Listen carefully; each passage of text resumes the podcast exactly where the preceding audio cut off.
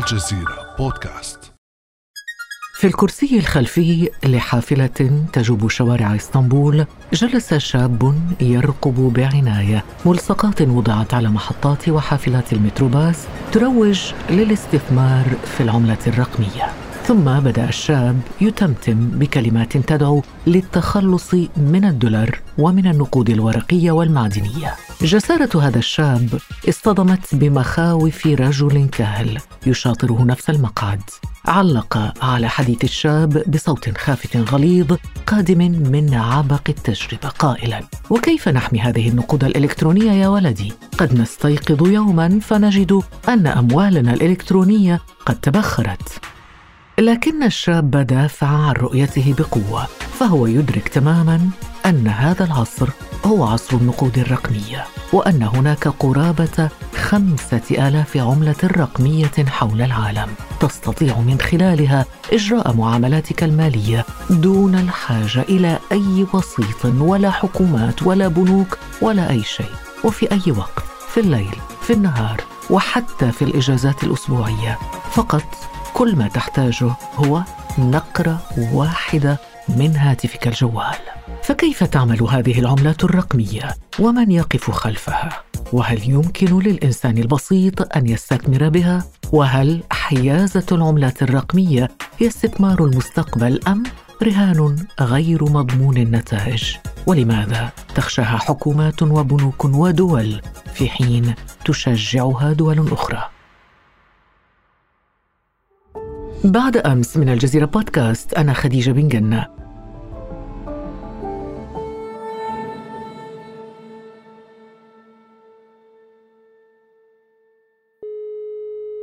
أسعد كثيرا في هذا الصباح باستضافة المتخصص في الأمن السيبراني والعملات الرقمية الأستاذ فادي الأسودي من صنعاء. أهلا وسهلا بك أستاذ فادي صباحك سعيد. صباح الخير. صباح البيتكوين والعملات الرقمية. سنغوص ونبحر اليوم في عالم العملات الرقمية أستاذ فادي. مستعد؟ ننطلق؟ مستعد. ننطلق. لننطلق. إذا طبعا كثر الحديث أستاذ فادي هذه الأيام حول العملات الرقمية وانتشرت الفيديوهات والبرامج حول هذا الموضوع هذه العملات الرقمية. أنجزنا في الحقيقة نحن أيضا في البودكاست أنجزنا حلقة من قبل حول هذا الموضوع. وكان عليها بصراحة إقبال كبير جدا وهذا دليل على اهتمام الناس بهذا الموضوع. لكن لا بأس من استهلال حوارنا مرة أخرى بالتعريف بالعملات الرقمية. ماذا نقصد بها؟ العملات الرقمية هي شكل جديد من أشكال العملة. مثل ما نعرف آه، كلنا أن الأموال هي واحدة من أعظم اختراعات الإنسان. طبعا تطورت العملة آه، في عدة أشكال. في البداية بدينا بالمقايضة. وبعد المقايضة بدينا بالذهب والفضة معي ذهب وفضة ممكن أشتري فيهم أغراض والأشياء هذه. وبعد كذا أتت مرحلة الأوراق النقدية وبعد كذا مرحلة البطائق الائتمانية. والآن نحن في مرحلة جديدة ممكن تكون الموبايل ماني اللي هي المحافظ الرقمية في التلفونات والآن في مرحلة جديدة وصلنا لها اللي هي العملات الرقمية المشفرة. مرحلة البيتكوين والعملات الأخرى. شو يعني الموبايل ماني؟ آه ممكن يكون فورم أو نوع جديد من أنواع الدفع موجود في دول العالم الثالث انتشرت كثيرا يعني في دول أفريقيا. بدل ما تحمل نقود في جيبك ممكن تكون عبر التليفون يكون حسابك البنكي. طبعا تستخدمها الدول اللي عندها ممكن تضخم يعني ممكن تشتري الشيء فرضا ب 100 ألف دولار من عملة هذه الدولة يعني بشيء معين ممكن فرضا كيلو طماطم. فممكن تنجز العملية عبر الهاتف تبعك بارتباطك بالحساب البنكي. طيب حتى لا يكون حوارنا مجردا أستاذ فادي خلينا نتحدث بأسماء هذه العملات. ما أشهر العملات الرقمية اليوم؟ أشهر العملات الرقمية اليوم هي البيتكوين بحكم أنها الأم وهي أتت لنا عام 2008 أو نهاية 2008 بعد كذا العملات الأخرى مثل الإيثيريوم في 2013 إلى 2015 العملة هذه اللي هي الأشهر. وبعد كذا تأتي عملات كثيرة ممكن يوصل عددها إلى 20 ألف عملة. عملات مثل الكاردانو معنا الدوت أشياء كثيرة يعني كلها عبارة عن مشاريع. 20 ألف عملة. تقريبا وكل يوم نشوف مشاريع جديدة. واو هذا عدد كبير جدا. لكن لافت أنه البيتكوين هو العملة الرقمية الأم سنة 2008 يعني من زمان. هذا مش موضوع جديد يعني. هي بنيت على تقنية طلعت في عام 1991 اللي هي البلوك تشين موضوع قديم وتم تطبيقها في 2008 جميل جدا أستاذ فادي هذا التسلسل التاريخي للعملات التي عرفها الإنسان من بداية يعني المقايضة كما قلت ثم الذهب والفضة كنا نشتري بهم أشياء ثم الأوراق المالية الورقية ثم البطاقات الائتمانية ثم الموبايل ماني كما سميتها ونصل إلى العملات الرقمية التي نتحدث عنها الآن. هل هي مأمونة؟ العملات المشفرة هي مأمونة لأنها اساسها هي عملات مشفرة. مبنية على التشفير بشكل كامل فهي مأمونة وآمنة جدا. يعني لو نسيت الشفرة مثلا الكود. هي هذه بتكون يعني مشكلتك مثل ما إنك تضيعي محفظتك. يعني بسيطة إني أضيع يعني المحفظة يعني بس أضيع الفلوس. صعب. يعني ضيعت المحفظة وفيها الفلوس. وخلاص وراحت عليك. آه فكرت محفظة بها أوراق عادية. طيب إذا فيها فلوس يعني نفس الشيء. لكن هناك سؤال أستاذ فادي الأسودي يتبادر للذهن دائما عندما نتحدث عن العملات الرقمية. طبعا نعرف أن العملة العادية وراها جهة تحميها جهة رسمية.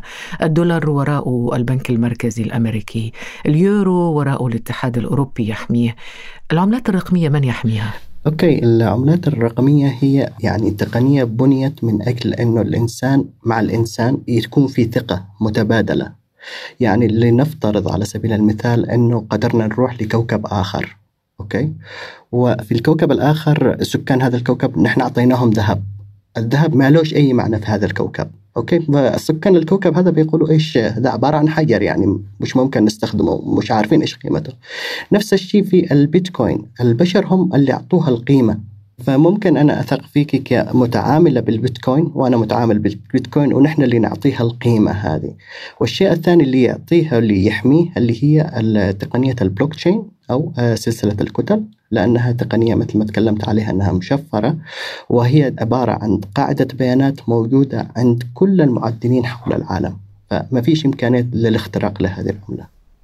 طيب في هذه الحالة كيف نفهم أستاذ فادي هذا السباق المحموم الذي نشهده اليوم بين الدول لإصدار عملات رقمية؟ يعني هناك سعي من دول مختلفة لخوض سباق إصدار عملاتها الرقمية الخاصة بها. لما نتكلم على العملات الرقمية والدول طبعا مش كل الدول بتأيد الموضوع هذا وفي دول بتأيد يعني الموضوع منقسم حتى اللحظة.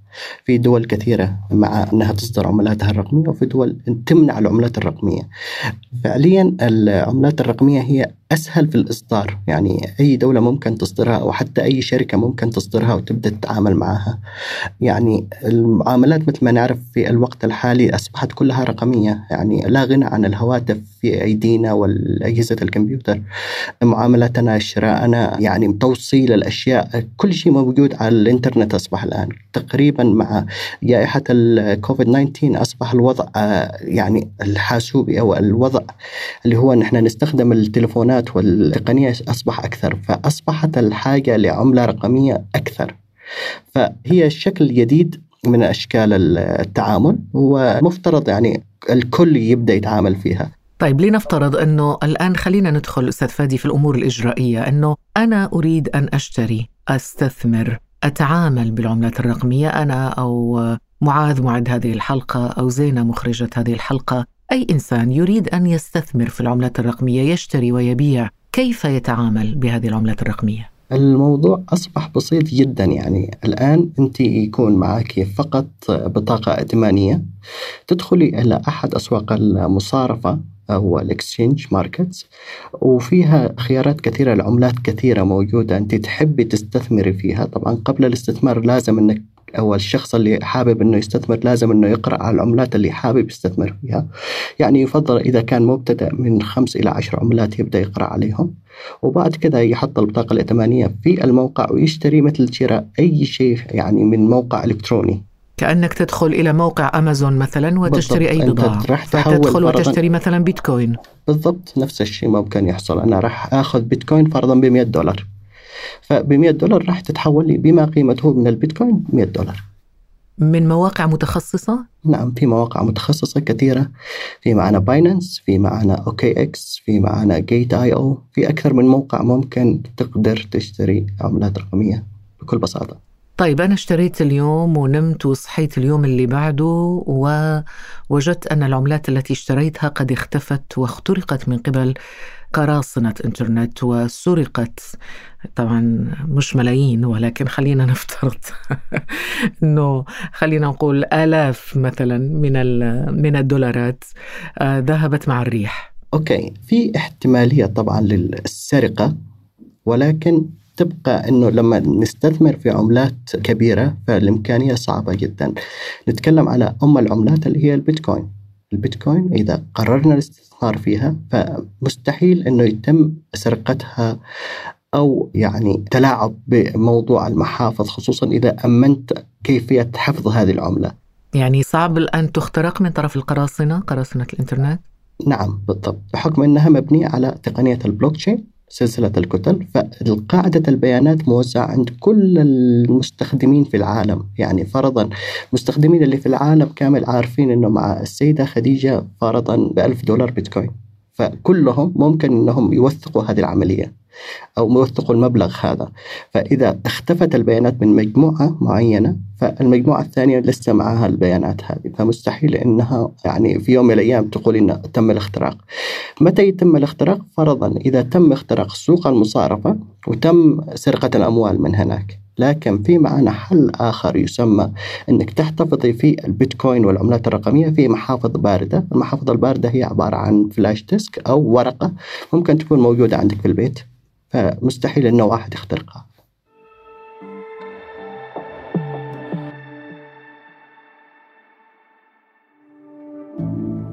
ابقى على تواصل مستمر مع الجزيرة بودكاست ولا تنسى تفعيل زر الاشتراك الموجود في تطبيقك لتصلك الحلقات يومياً.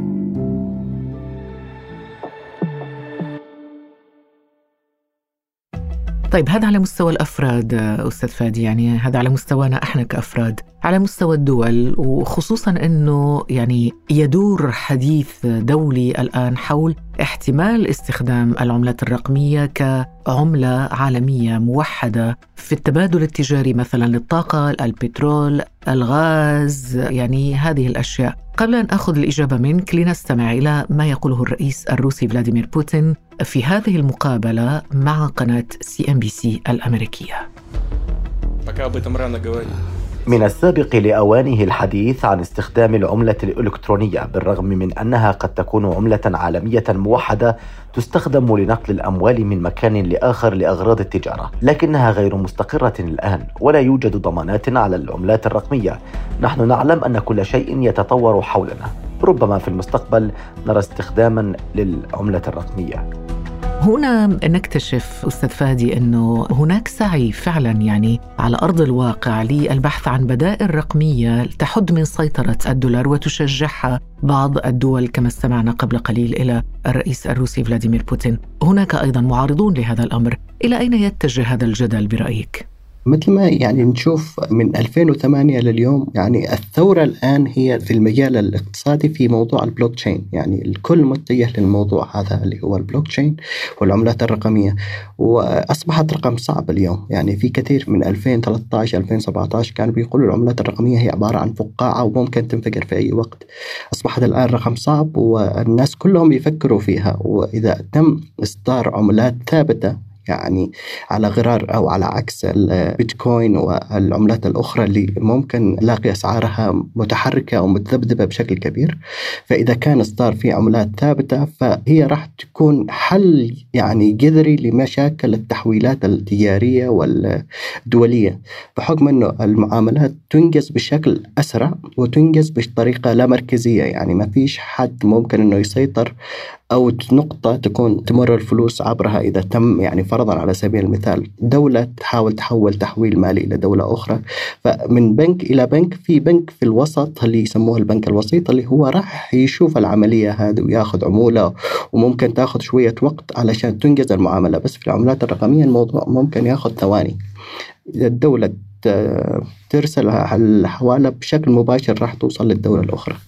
طيب لنعد إلى مستوانا إحنا كأفراد أستاذ فادي. يعني معاملة بسيطة وهنا نأخذ مثال شخص اشترى قطعتي بيتزا بعشرة ألاف بيتكوين عام 2010 الآن هذه العشرة ألاف بيتكوين تصل قيمتها إلى قرابة 580 مليون دولار. رقم فلكي بصراحة. اشترى بها اثنين قطعتي بيتزا فقط. من 2010 إلى الآن صارت قيمة قطعتي البيتزا هذه 580 مليون دولار. يعني هذا رقم يعني يدوخ الرؤوس أستاذ فادي أليس كذلك؟ فعليا في عام 2010 كان سعر ال ألف بيتكوين لما اشترى البيتزا كان 41 دولار. فكان يعني ال 41 دولار تساوي حبتين بيتزا. والآن لكن مع تغير الصرف وثقة الناس بعملة البيتكوين أصبح سعرها بهذا السعر وطبعا احتمال وارد أن إحنا نشوف الرقم يكبر لقطعة البيتكوين. ممكن تكون الحبة البيتكوين ممكن توصل ل ألف دولار وفي توقعات أنها ممكن توصل لمليون دولار. لكن هذا مغري لشراء العملات الرقمية وهذا المثال ربما مشجع لكثيرين على الإقبال على شراء البيتكوين وباقي العملات الرقمية. لكن السؤال أستاذ فادي هل المخزون المتوفر من البيتكوين مثلا هل هو كافي لاستقبال عروض الشراء؟ لو نيجي نشوف طبعا في الورقة البيضاء الخاصة في البيتكوين هو مكتوب إنه في فقط راح يكون موجود 21 مليون قطعة. اللي موجودة حاليا في السوق تقريبا 18 مليون ونص تقريبا 18 مليون و500 ألف قطعة موجودة. طبعا في تقريبا 4 مليون قطعة أو من 2 إلى 4 مليون قطعة ضايعة. فالآن السوق يعني لو نتكلم على 18 مليون و500 ألف قطعة فالسوق كلهم في طلب. ليش السعر يرتفع؟ لأنه في طلب كبير على البيتكوين وفي صناديق استثمارية حول العالم بتأخذ كميات كبيرة كبيرة جدا يعني. في صناديق استثمارية معهم 100 أو 200 ألف قطعة بيتكوين بيأخذوها على دفع. طيب سؤال بسيط. إذا كان 8 مليون ونصف مليون قطعة لا تكفي لتلبي الحاجة. ما المانع من تصنيع يعني عدد آخر من العملات الرقمية؟ في البيتكوين لا يمكن تصنيع أي عملات خلاص 21 آه، مليون قطعة 21 مليون قطعة ما فيش أكثر من كذا. القطع الآن مثل ما تكلمت أنه في معنا 18 مليون أو 500 ألف قطعة. في معنا عدد القطع الباقي ل 21 مليون تقريبا 3 مليون أو 4 مليون راح يتم إصدارها في كل يوم إلى عام 2140 فأنت تخيلي باقي معنا 120 سنة تقريبا كل يوم يتم إصدار كم؟ كل يوم يتم إصدار قطع جديدة على حسب البلوكس أو الكتل الجديدة التي يتم توليدها كل عشر دقائق تقريبا كتلة يتم إصدار فيها ست بيتكوين أو ستة ونص حبة بيتكوين طيب قبل شوية قلت 2 إلى 4 مليون هي قطع ضائعة شو معناتها قطع ضائعة؟ يعني ناس نسوا محافظهم أو ناس ممكن أنهم محتفظين فيها إلى يوم محدد إلى ساعة محددة إذا لما السعر يحبوا ويبيعوا. يعني المحافظ هذه خاملة. فما حد عارف بس يقولوا أنه يعني هي عبارة عن محافظ ضايعة. نعم. طيب أستاذ فادي يعني أكيد أنه أي إنسان بسيط عادي كان زمان يعني يعتبر الحديث عن العملات الرقمية شيء من الخيال العلمي يعني مش لا يصدق. لكن أمور كثيرة كانت خيالا ثم سرعان ما أصبحت في الواقع حقيقة خصوصا مع تطور التكنولوجيا مثل السيارات الكهربائية والهواتف الذكية وغير ذلك. اذا هل يمكن القول أستاذ فادي إنه سباق الاستثمار في العملات الرقمية قد وصل إلى أوجه إلى عزه إلى مجده؟ حاليا نحن الآن واصلين إلى عز السباق ناس كثير حول العالم بدأت تأخذ بالها من موضوع العملات الرقمية. تعرف أنه في حاجة أو عملة أو طريقة جديدة ممكن الدفع فيها اسمها العملات الرقمية المشفرة.